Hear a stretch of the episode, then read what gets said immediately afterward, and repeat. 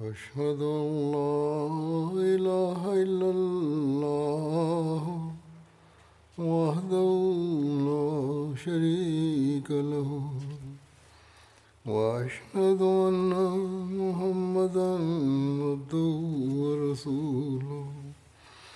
أما بعد فأعوذ بالله من الشيطان الرجيم. بسم الله الرحمن الرحيم. الحمد لله رب العالمين. الرحمن الرحيم. مالك يوم الدين. إياك نعبد وإياك نستعين. اهدنا الصراط المستقيم. صراط الذين أنعمت عليهم.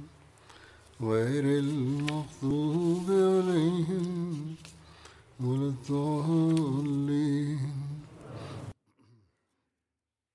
في سياق الحديث عن الصحابة البدريين كنت أبين مناقب سيدنا أبي بكر الصديق رضي الله عنه.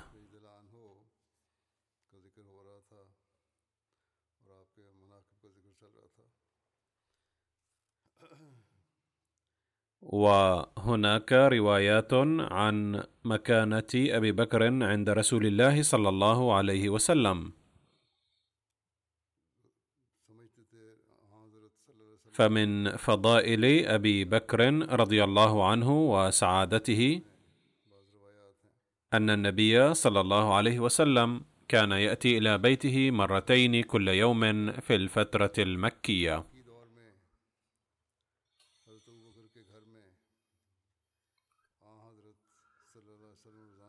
وعن عمرو بن العاص رضي الله عنه أن النبي صلى الله عليه وسلم بعثه على جيش ذات السلاسل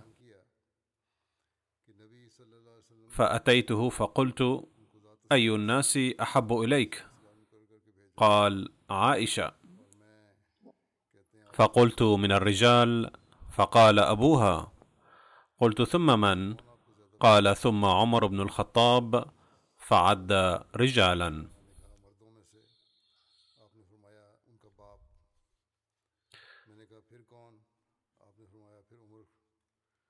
عن سلمة بن الأكوع أن النبي صلى الله عليه وسلم قال: قال أبو بكر خير الناس عندي بعدي إلا أن يكون نبي. وعن أنس بن مالك قال: قال رسول الله صلى الله عليه وسلم: أرحم أمتي بأمتي أبو بكر. وعن أبي سعيد قال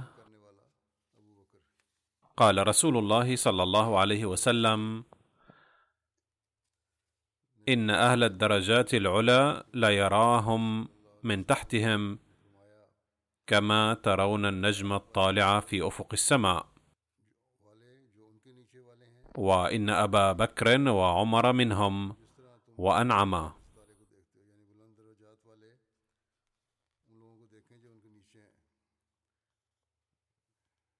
وعن أبي هريرة عن النبي صلى الله عليه وسلم قال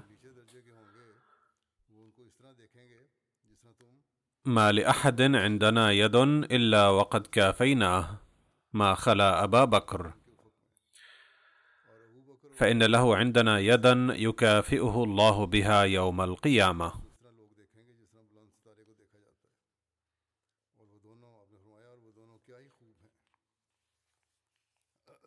وقال رسول الله صلى الله عليه وسلم في مرضه الأخير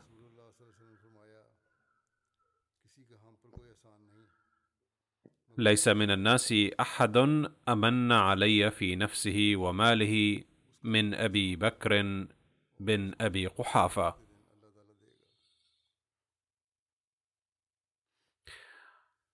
ولو كنت متخذا من الناس خليلا لاتخذت أبا بكر خليلا. ولكن خلة الإسلام أفضل.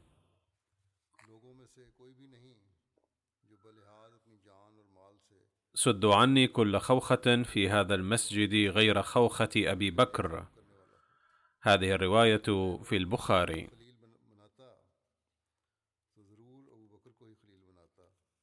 وقال النبي صلى الله عليه وسلم أبو بكر مني وأنا منه. وأبو بكر أخي في الدنيا والآخرة. ابو بکر مجھ سے ہیں اور میں ان سے ہوں ابو بکر دنیا و آخرت میں میرے بھائی ہیں وورد في سنن الترمذي رواية عن أنس قال قال رسول الله صلى الله عليه وسلم هذان سيدا كهول أهل الجنة من الأولين والآخرين إلا النبيين والمرسلين لا تخبرهما يا علي يعني أبا بكر وعمر. أي أن الراوي قال أن النبي صلى الله عليه وسلم قال لعلي رضي الله عنه لا تخبر أبا بكر وعمر رضي الله عنهما بذلك. وعن أنس أن رسول الله صلى الله عليه وسلم كان يخرج على أصحابه من المهاجرين والأنصار وهم جلوس فيهم أبو بكر وعمر. فلا يرفع إليه أحد منهم بصره إلا أبو بكر وعمر. فإنهما كانا ينظران إليه وينظر إليهما ويتبسمان إليه ويتبسم إليهما. وعن ابن عمر قال قال رسول الله صلى الله عليه وسلم أنت صاحبي على الحوض وصاحبي في الغار. قاله لأبي بكر. وعن ابن عمر أن رسول الله صلى الله عليه وسلم خرج ذات يوم فدخل المسجد وأبو بكر وعمر أحدهما عن يمينه والآخر عن شماله وهو آخذ بأيديهما وقال هكذا نبعث يوم القيامة. وعن عبد الله بن حنطب أن رسول الله صلى الله عليه وسلم رأى أبا بكر وعمر فقال هذان السمع والبصر أي أنهما أقرب أصحابي. عن جبير بن مطعم أن رسول الله صلى الله عليه وسلم أتته امرأة فكلمته في شيء وأمرها بأمر فقالت أرأيت يا رسول الله إن لم أجدك؟ أي إن توفيت فماذا أعمل إن احتجت إليك؟ قال فإن لم تجديني فأتي أبا بكر. أي هو الذي سوف يسد حاجتك من بعدي.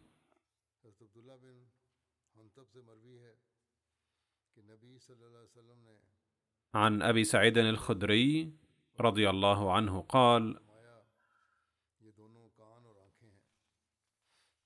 قال رسول الله صلى الله عليه وسلم ان لكل نبي وزيرين من أهل السماء ووزيرين من أهل الأرض. فوزيراي من أهل السماء جبريل وميكائيل. ووزيراي من أهل الأرض ابو بكر وعمر. ثم ان النبي صلى الله عليه وسلم بشرهما عمر ہیں عن سعيد بن المسيب قال أخبرني أبو موسى الأشعري أنه توضأ في بيته ثم خرج. فقلت لألزمن رسول الله صلى الله عليه وسلم ولأكونن معه يومي هذا. أي أنه وقف يومه ذلك كله لخدمة رسول الله صلى الله عليه وسلم. قال فجاء المسجد فسأل عن النبي صلى الله عليه وسلم فقالوا خرج ووجه ها هنا. فخرجت على اثره أسأل عنه حتى دخل بئر أريس بئر بالقرب من مسجد قباء. فجلست عند الباب وبابها من جريد. حتى قضى رسول الله صلى الله عليه وسلم حاجته فتوضأ. فقمت إليه فإذا هو جالس على بئر أريس وتوسط قفها أي حافة البئر. وكشف عن ساقيه ودلاهما في البئر. فسلمت عليه ثم انصرفت فجلست عند الباب فقلت لأكونن بواب رسول الله صلى الله عليه وسلم اليوم. فجاء أبو بكر فدفع الباب فقلت من هذا؟ فقال أبو بكر فقلت على رسلك. ثم ذهبت فقلت يا رسول الله هذا أبو بكر يستأذن. فقال ائذن له وبشره بالجنة. فأقبلت حتى قلت لأبي بكر أدخل ورسول الله صلى الله عليه وسلم يبشرك بالجنة. فدخل أبو بكر فجلس عن يمين رسول الله صلى الله عليه وسلم معه في القف ودل رجليه في البئر كما صنع النبي صلى الله عليه وسلم وكشف عن ساقيه. ثم رجعت فجلست وقد تركت أخي يتوضأ ويلحقني. فقلت إن يرد الله بفلان خيرا يريد أخاه يأتي به. فإذا إنسان يحرك الباب فقلت من هذا؟ فقال عمر بن الخطاب. فقلت على رسلك. ثم جئت إلى رسول الله صلى الله عليه وسلم فسلمت عليه فقلت هذا عمر بن الخطاب يستأذن. فقال ائذن له وبشره بالجنة. فجئت فقلت ادخل وبشرك رسول الله صلى الله عليه وسلم بالجنة. فدخل فجلس مع رسول الله صلى الله عليه وسلم في القف عن يساره ودل رجليه في البئر. ثم رجعت فجلست فقلت إن يرد الله بفلان خيرا يأتي به. فقد فكر في أخيه مرة أخرى فجاء إنسان يحرك الباب فقلت من هذا؟ فقال عثمان بن عفان. فقلت على رسلك. فجئت إلى رسول الله صلى الله عليه وسلم فأخبرته. فقال إئذن له وبشره بالجنة على بلوى تصيبه. فجئته فقلت له أدخل وبشرك رسول الله صلى الله عليه وسلم بالجنة على بلوى تصيبك. فدخل فوجد القف قد ملئ فجلس وجاهه من الشق الآخر.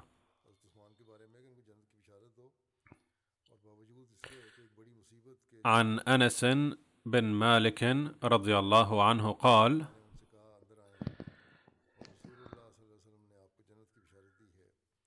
صعد النبي صلى الله عليه وسلم إلى أحد ومعه أبو بكر وعمر وعثمان. فرجف بهم فضربه برجله. قال أثبت أحد فما عليك إلا نبي أو صديق أو شهيدان.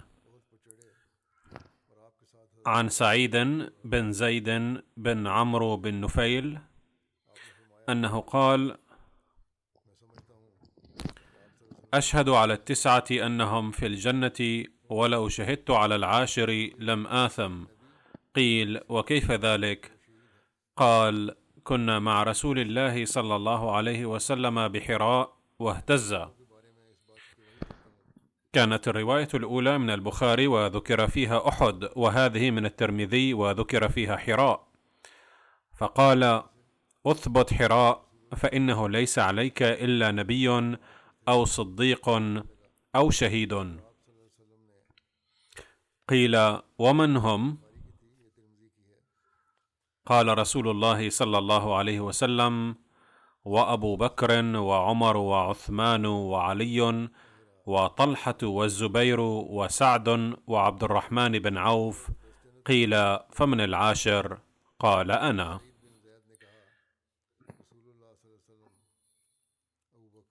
هنا أود أن أوضح أن في هذه الرواية ذكر عشرة من الصحابة العظماء الذين بشرهم النبي صلى الله عليه وسلم بالجنة في حياتهم وكانوا مقربيه ومستشاريه صلى الله عليه وسلم. ويقال لهم مصطلح السيرة العشرة المبشرة. وليكن معلوما أن النبي صلى الله عليه وسلم لم يبشر هؤلاء العشرة فقط بل هناك عدة آخرون من الصحابة والصحابيات قد بشرهم النبي صلى الله عليه وسلم بالجنة. فنجد إضافة إلى العشرة قرابة خمسين من الصحابة والصحابيات. وعلاوة على هؤلاء قد بشر النبي صلى الله عليه وسلم بالجنة البدريين وكان عددهم ثلاثمائة وثلاثة عشر. والذين شاركوا في أحد وفي بيعة الرضوان في الحديبية أيضا.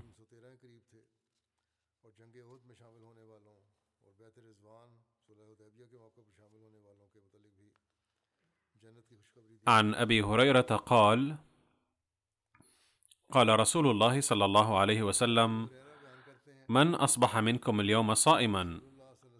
قال أبو بكر أنا.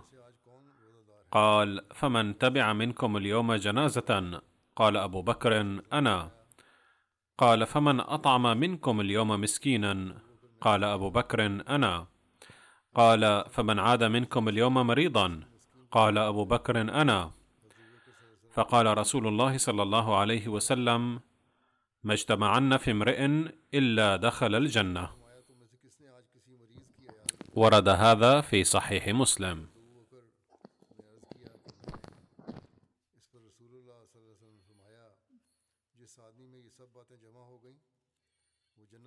عن أبي هريرة أن النبي صلى الله عليه وسلم قال أتاني جبريل فأخذ بيدي فأراني باب الجنة الذي تدخل منه أمتي.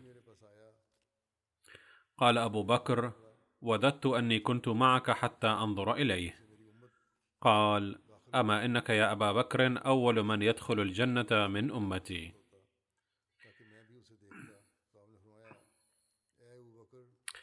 يقول سيدنا المصلح الموعود رضي الله عنه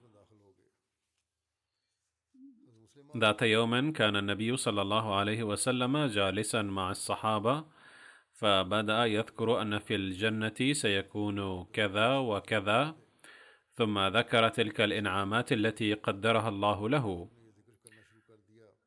فلما سمع أبو بكر رضي الله عنه قال يا رسول الله أدعو أن أكون معك في الجنة. وفي بعض الروايات ورد اسم صحابي آخر فقال رسول الله صلى الله عليه وسلم أرجو أن تكون معي وأدعو الله أن يكون كذلك. فلما قال ذلك النبي صلى الله عليه وسلم خطر ببال الصحابة الآخرين أيضا طبعا أن يطلبوا من النبي صلى الله عليه وسلم الدعاء نفسه. إذ قبل ذلك كانوا يفكرون متى يمكن أن يكونوا مع النبي صلى الله عليه وسلم في الجنة. لكنه حين قال له ذلك أبو بكر رضي الله عنه أو صحابي آخر بحسب بعض الروايات ودعا له النبي صلى الله عليه وسلم. فقد توفر لهم مثال وعلموا أن ذلك ليس مستحيلا بل ممكن. فقام صحابي آخر وقال يا رسول الله ادع لي أيضا أن أكون معك في الجنة. فقال أكرمك الله بذلك أيضا. إلا أن من طلب ذلك قبلك فقد كسب الدعاء. يقول سيدنا المصلح الموعود رضي الله عنه ذات يوم قال النبي صلى الله عليه وسلم من عمل بحسنة كذا أكثر فسوف يدخل من باب كذا في الجنة ومن أكثر من عبادة كذا سيدخل من باب كذا. ثم ذكر شتى العبادات. وقال سيدخل الناس من سبعة أبواب الجنة بحسب إكثارهم حسنات مختلفة. فكان في المجلس سيدنا أبو بكر رضي الله عنه أيضا فقال يا رسول الله صحيح أن من كان قد أكثر من عبادة معينة واحدة سيدخل من باب معين في الجنة. ترى كيف سيعامل من كان قد أكثر من جميع العبادات؟ فقال رسول الله صلى الله عليه وسلم إنه سيدخل من سبعة أبواب الجنة كلها. وأرجو يا أبا بكر أن تكون منهم. هذا الذكر سوف يستمر في المستقبل أيضا إن شاء الله. والآن أريد أن أذكر بعض المرحومين وسأصلي عليهم جنازة الغائب بعد الصلاة. أولهم السيد عبد الباسط أمير الجماعة في إندونيسيا الذي توفي في الثامن من أكتوبر عن عمر يناهز واحدا وسبعين سنة. إنا لله وإنا إليه راجعون. كان المرحوم ابن المولوي عبد الواحد السومطري. وسجل بعد البكالوريا في الجامعة الأحمدية بربوة في 20 سبتمبر 1972 وكان عمره 21 سنة. وفي أوائل عام 1981 تخرج فيها حائزا على شهادة الشاهد. وفي العام نفسه عاد إلى بلده إندونيسيا بصفته داعية إسلاميا أحمديا.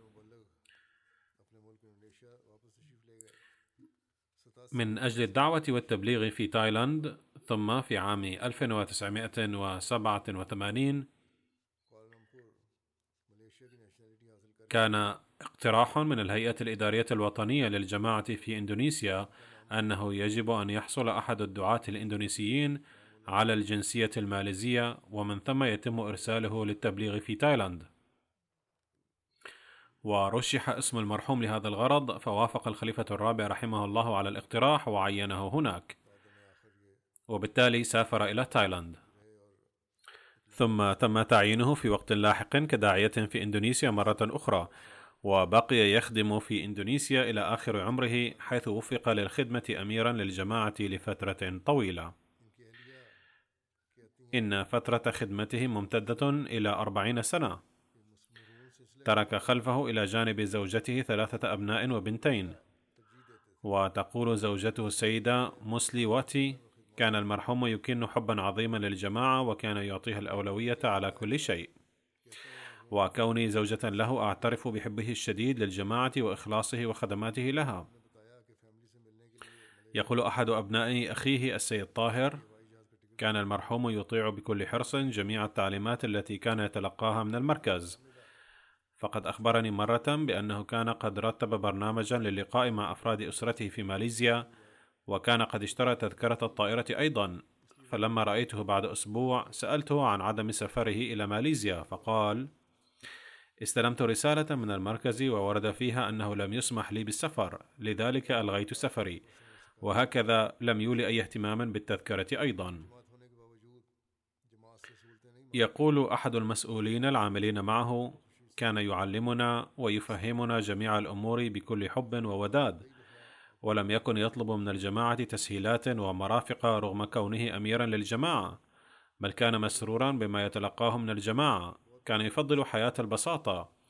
كثيرا ما كان يأتي ويجلس معنا في أوقات المكتب ويملي علينا الردود على الرسائل بعد الاطلاع عليها. كان يحترم الدعاة كثيرا وكان يملك علما عميقا وواسعا. وكلما أراد اتخاذ أي قرار استشار أعضاء الهيئة الإدارية. كان وقورا إلا أنه كان مفعما بالتواضع. كان ودودا يعامل بحسن الخلق كل كبير وصغير.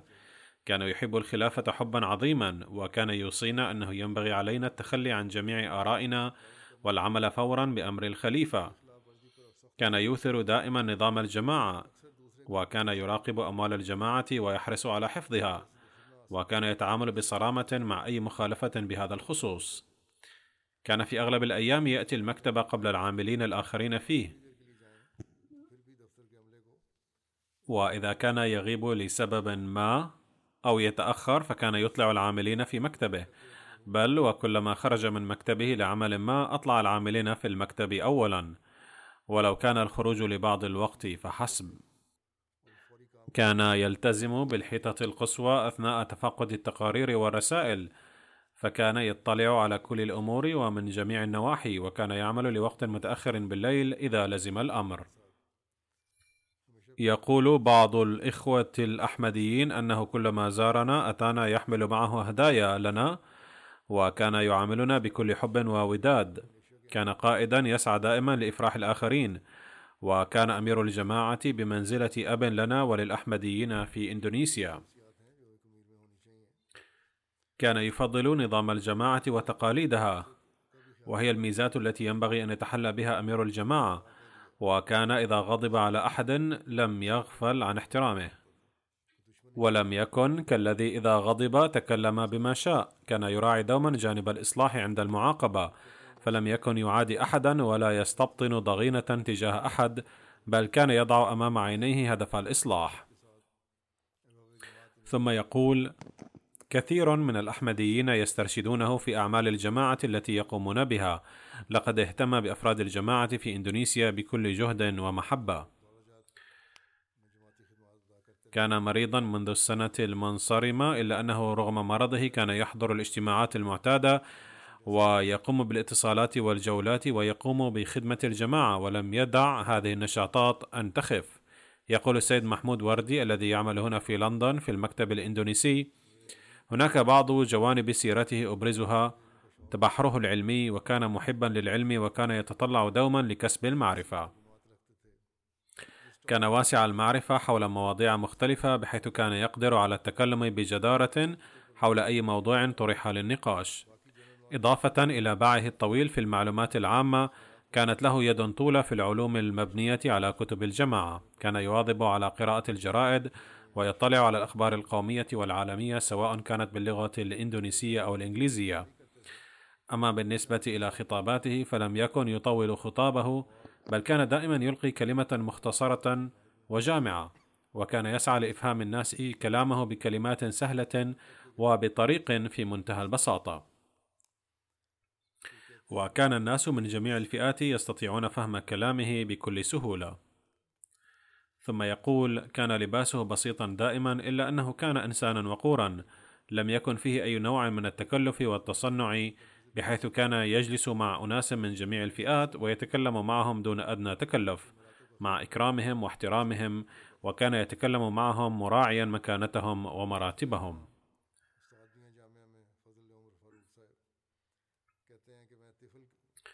يقول السيد فضل عمر فاروق داعية وأستاذ في الجامعة الأحمدية هناك.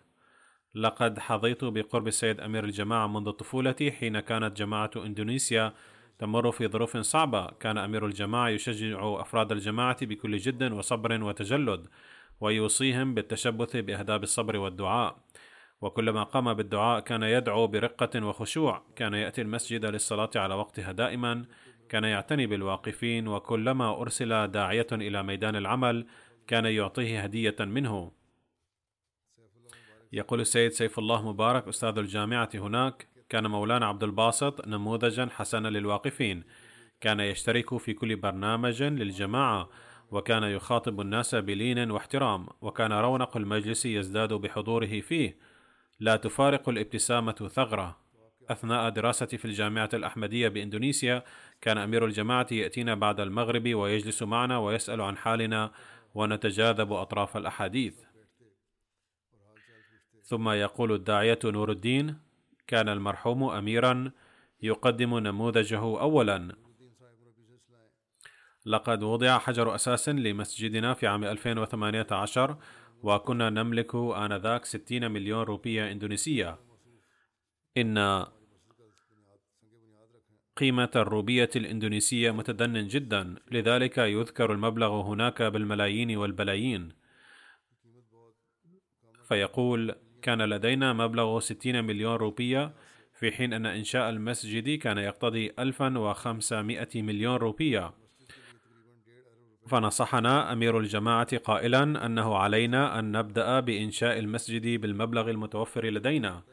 ثم سنرى مشهد عون الله تعالى. ولا داعي للخوف من أن المبلغ المطلوب هو 1500 مليون روبية ولا يتوفر لديكم إلا ستون مليون بل عليكم أن تبدأوا به. فلم يكن لديهم عشر المبلغ المطلوب بل كان ثلاثة أو أربعة بالمئة فحسب. بعد هذه النصيحة أخرج من جيبه محفظة النقود وأعطانا بعض المال من أجل المسجد.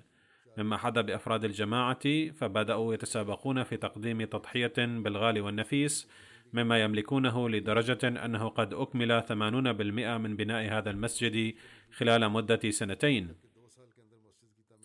ثم تفشى الوباء وتضاءل دخل الناس وتوقف بناء المسجد. عدنا إليه ثانية وأخبرناه أننا نريد أن نكمل المسجد ولكن تنقصنا 150 مليونا. كنا نتوقع أننا سننال العون من المركز ولكن قال الأمير المحترم بأن المركز لن يعينكم بهذا الشأن إذ تستطيعون أن تسدوا هذا الخلل دون أن تسألوا أحدا. ثم سأل ما هو عدد الأحمديين في جماعتكم؟ فقلنا عددهم 160 فقال المرحوم مبتسما وبهدوء هذا يعني أن كل شخص يجب أن يدفع مليونا ونصف مليون تقريبا. ما يقارب مئة أو مئة وخمسة وعشرين جنيها استرلينيا وجمع هذا المبلغ ممكن. يقول الراوي ما كنا واثقين في البداية أننا نستطيع أن نجمع هذا المبلغ بسهولة ولكن عندما بدأنا العمل بنصيحته ألقى الله في قلوب الإخوة حبا وحماسا فدفعوا من كرام أموالهم في مشروع بناء المسجد. كذلك دفع المرحوم مبلغا لا بأس به من جيبه أيضا فاكتمل بناء المسجد في غضون عام واحد.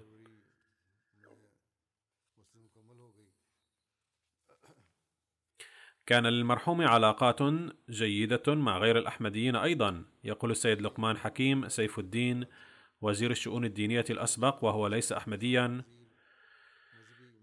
أنا أعتبر المرحوم شخصية بارزة على الصعيد الوطني فكان يؤثر الإنسانية دوما حيثما ذهب كان يؤكد دوما كيف يمكننا بالتعاون المتبادل تأصيل كرامة البشرية والتسامح ومراعاة مشاعر الجميع. إنني أرى أن هذه الأمور مسؤوليتنا جميعا وليست مسؤولية الأحمديين في إندونيسيا بل هي مسؤولية المواطنين الإندونيسيين جميعا. أن نقتفي آثارهم ونسعى جاهدين للعمل بنصائحه. الخلافات والفروق التي توجد بيننا تتسبب بنشر الكراهية المتبادلة والحط من كرامة الإنسانية لذا يجب علينا إزالتها.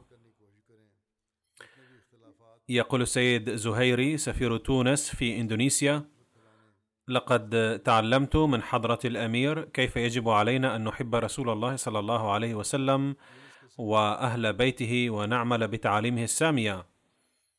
صحيح أن الأحمديين ظلموا وشتموا لقد ظلموا في إندونيسيا ظلما كبيرا ولكن المرحوم اهتم بهم في تلك الفترة بشجاعة كبيرة وبحكمة كبيرة وعوملوا بالجور وعدم العدل ومع ذلك علمنا الأمير المحترم أن علينا أن نخدم البلد والبشرية في كل الأحوال بالإخلاص والوفاء لأن من اعتقاد الأحمديين الحب للجميع ولا كراهية لأحد.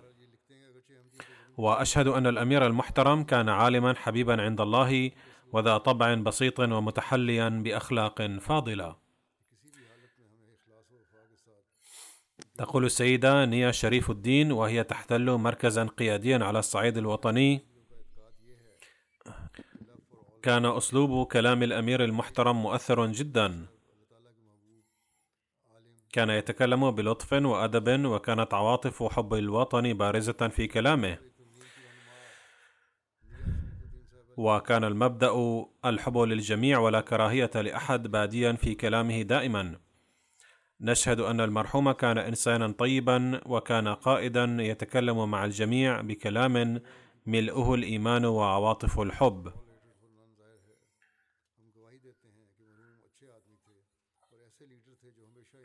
يقول السيد معراج الدين شاهد في فترة قيادته الجماعة كامير في إندونيسيا واجهت الجماعة في البلد معارضة شديدة، وتعرض الأحمديون للهجمات في عدة أماكن، ولكنه واجهها بشجاعة وهدوء كبير. كان الموظفون في الحكومة أيضا يحترمونه بسبب علاقاته الجيدة معهم. يقول السيد أوسوم عميد الجامعة الأحمدية في إندونيسيا: كان الأمير المحترم مخلصا جدا للخلافة، وكان معظم الأوقات يذهب إلى المسجد معي لكونه جاري. وكلما سافر لجولة أخبرني دائما أنه ذاهب في جولة في فروع الجماعة كذا وكذا وكان ينصحني أيضا للذهاب في الجولات. كان مهتما جدا بالجامعة الأحمدية عندما كان يجري مقابلة مع الطلاب المرشحين للالتحاق بالجامعة الأحمدية بصفته عضوا في اللجنة. كان ينصحهم دائما أنكم ستصبحون دعاة. لذا اسعوا جاهدين لتكونوا أسوة لأفراد الجماعة من كل النواحي والجوانب. وكان ينصحني أيضا دائما ويخبرني عن كل طالب أن فيه نقصا كذا وكذا وعليك أن تحاول سد هذا الخلل. كان مهتما كثيرا بشؤون طلاب الجامعة. يقول السيد إرشاد أحمد ملهي داعية الجماعة في أمريكا. كنت زميل المرحوم عبد الباسط في الصف في الجامعة الأحمدية وكنت أسكن معه في غرفة واحدة في دار الإقامة. فسنحت لي الفرصة لمشاهدته عن كثب ووجدته ذكيا جدا وكان خلوقا دائم التبسم ودمث الأخلاق جدا. كان لاعبا متمكنا في تنس الريشة وكان ينال المرتبة الأولى في ربوة دائما.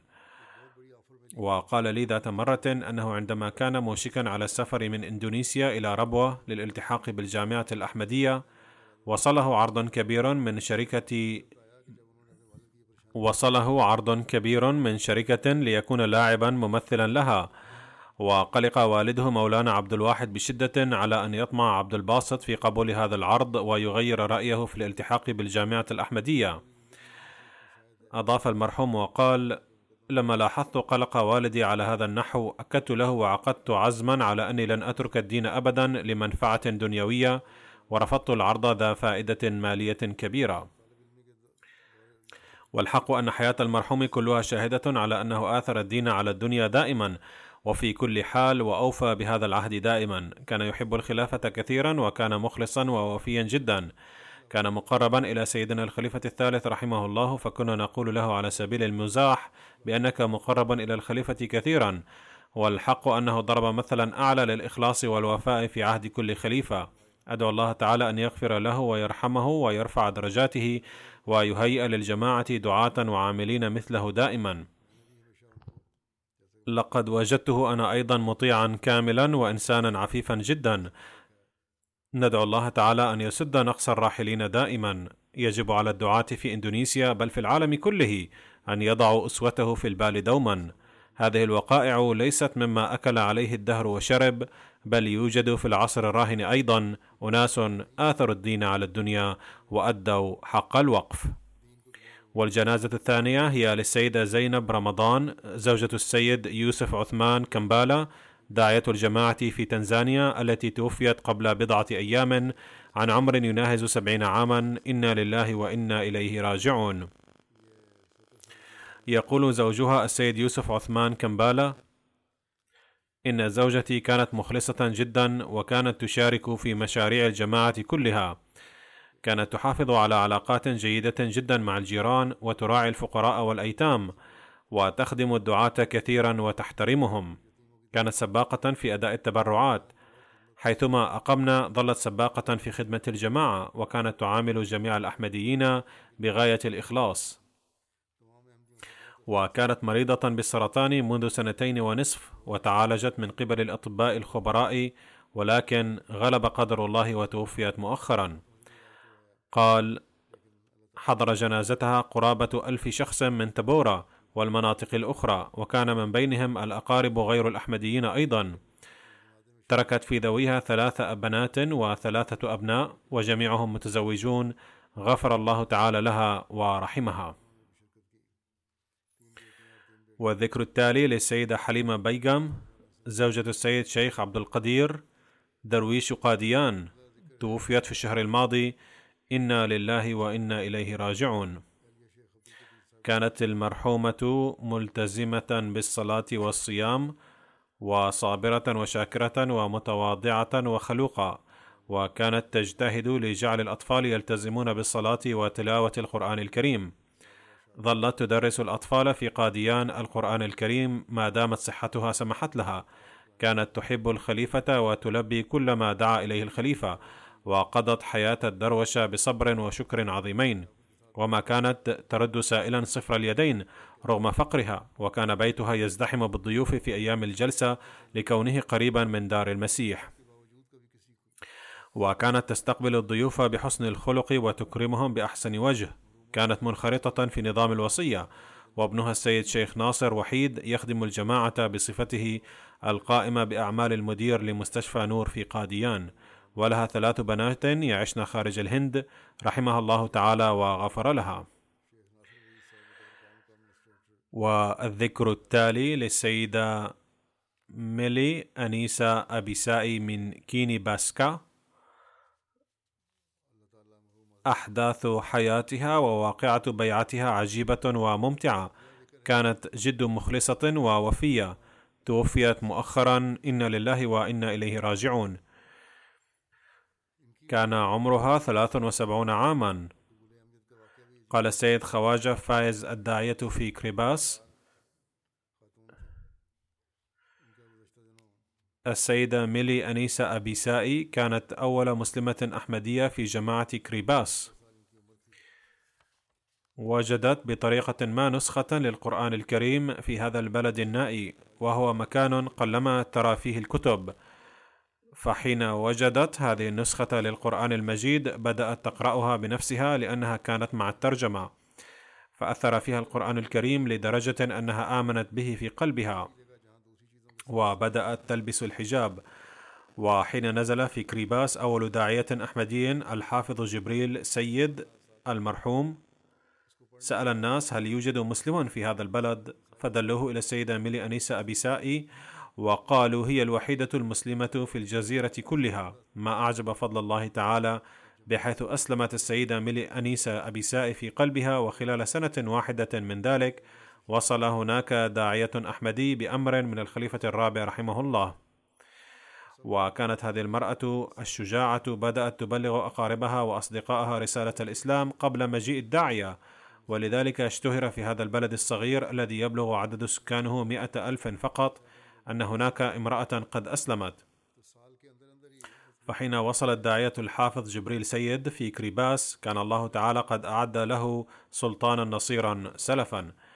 كانت مستعدة لخدمة الجماعة وهي كانت مشهورة بسبب احتجابها وتبليغها. وحين جاء الداعية الأول السيد جبريل في كريباس بايعت السيدة ميلي أنيسا وانضمت إلى الجماعة الإسلامية. وهي دبرت السكن والأشياء الضرورية للداعية. ثم انشغلت بتبليغ الدعوة وبايع عن طريقها عدد من الناس. كانت تحب الجماعة للغاية وتحترم الدعاة جدا. لم يضعف إيمانها قط رغم معارضة الناس لها. حيثما ذهبت التزمت بالحجاب وصار لباسها الإسلامي وسيلة للتبليغ مع أن الناس كانوا يسخرون منها وفي بعض الأحيان كانوا يشتمونها ويحاجونها ويضايقونها. ولكنها لم تدع إيمانها وحجابها يضعفان وتركت نموذجا حسنا على أن الحجاب لله فلماذا أخاف الناس وما يقولون؟ في البداية حين أسلمت في قلبها لم تكن تعلم كيفية أداء الصلاة فبدأت تعبد الله بنفسها من دون السجود. وحين رآها أبوها تصلي بطريقة جديدة غضب بشدة وهددها بأنه سيمزق القرآن المجيد. فردت على أبيها قائلة إذا يجب أن تمزق الكتاب المقدس أيضا الذي يذكر عبادة عيسى عليه السلام أمام ربه. ثبتت على إيمانها بكل شجاعة. ثم جاء بفضل الله تعالى داعية الجماعة فتعلمت طريقة أداء الصلاة وعلمتها للآخرين أيضا. كان جميع الناس في هذا البلد النائي يرون الإسلام بنظرة سيئة. حينها قامت هذه المجاهدة وكانت تواجه الجميع وتقدم تعاليم الإسلام بلا خوف. لم تكن تخاف أحدا غير الله تعالى وبسبب هذه الميزة كان لها رعب على كثير من الناس ورجال السياسة. وبفضل الله تعالى رعبها هذا وثباتها على الإيمان أثر في رجال السياسة لدرجة أنهم تعاونوا في تسجيل الجماعة رسميا مع أنهم كانوا من قبل لا يوافقون على طلب التسجيل بسبب المعارضة. وكان لها رعب بحيث كان كثير من الناس الذين كانوا يعرفونها لا يجرؤون على قول شيء سلبي ضد الإسلام في وجودها. وكانت تفتح بيتها دوما ليأتي الناس ويسالوا عن الإسلام ما شاءوا وكانت توصي الجميع في البيت بالمواظبة على الصلوات. وجعلت بيتها مركز الصلاة لفترة طويلة. وابنها أحمد أبي سائي حين بلغ سن الشباب أوقفته لخدمة الجماعة وأرسلته ليدرس في الجامعة الأحمدية بغانا فمنعها الناس قائلين لماذا ترسلين ابنك إلى غانا؟ سيقتلونه هناك. ولكنها أرسلت ابنها بكل اعتزاز وقدر الله تعالى أن ابنها أحمد أبي سائي مرض في أفريقيا ما أدى إلى وفاته. فجاءها الناس وقالوا لها انظري إن الإسلام باطل لذلك توفي ابنك.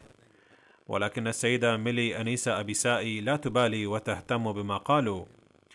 وثبتت على الإسلام بقوة وبدأت تجتهد للإسلام أكثر من ذي قبل.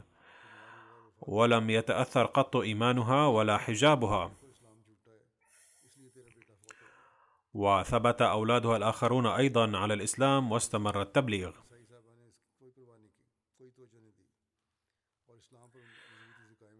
تركت خلفها ثلاث بنات وابنا واحدا.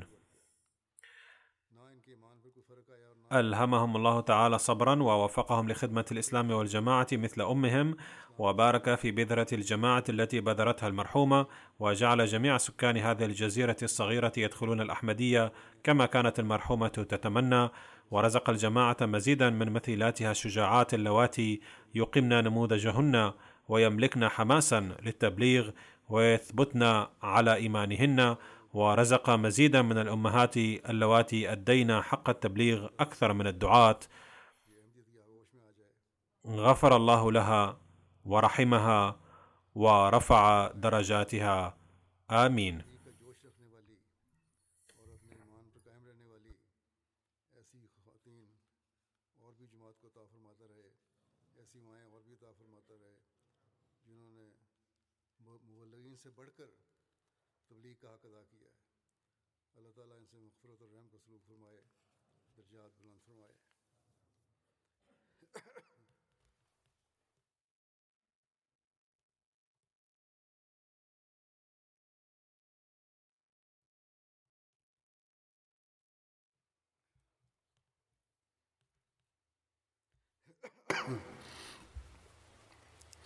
الحمد لله الحمد لله نحمده ونستعينه ونستغفره ونؤمن به ونتوكل عليه ونعوذ بالله من شرور أنفسنا ومن سيئات أعمالنا من يهده الله فلا مضل له ومن يضلل فلا هادي له.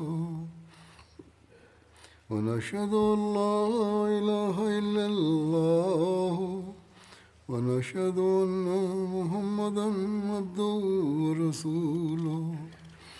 عباد الله رحمكم الله. إن الله يأمر بالعدل واللسان وإيتاء ذي القربى وينهى عن الفحشاء والمنكر والبغي يعظكم لعلكم تذكرون اذكروا الله يذكركم وادعوه يستجب لكم ولذكر الله أكبر.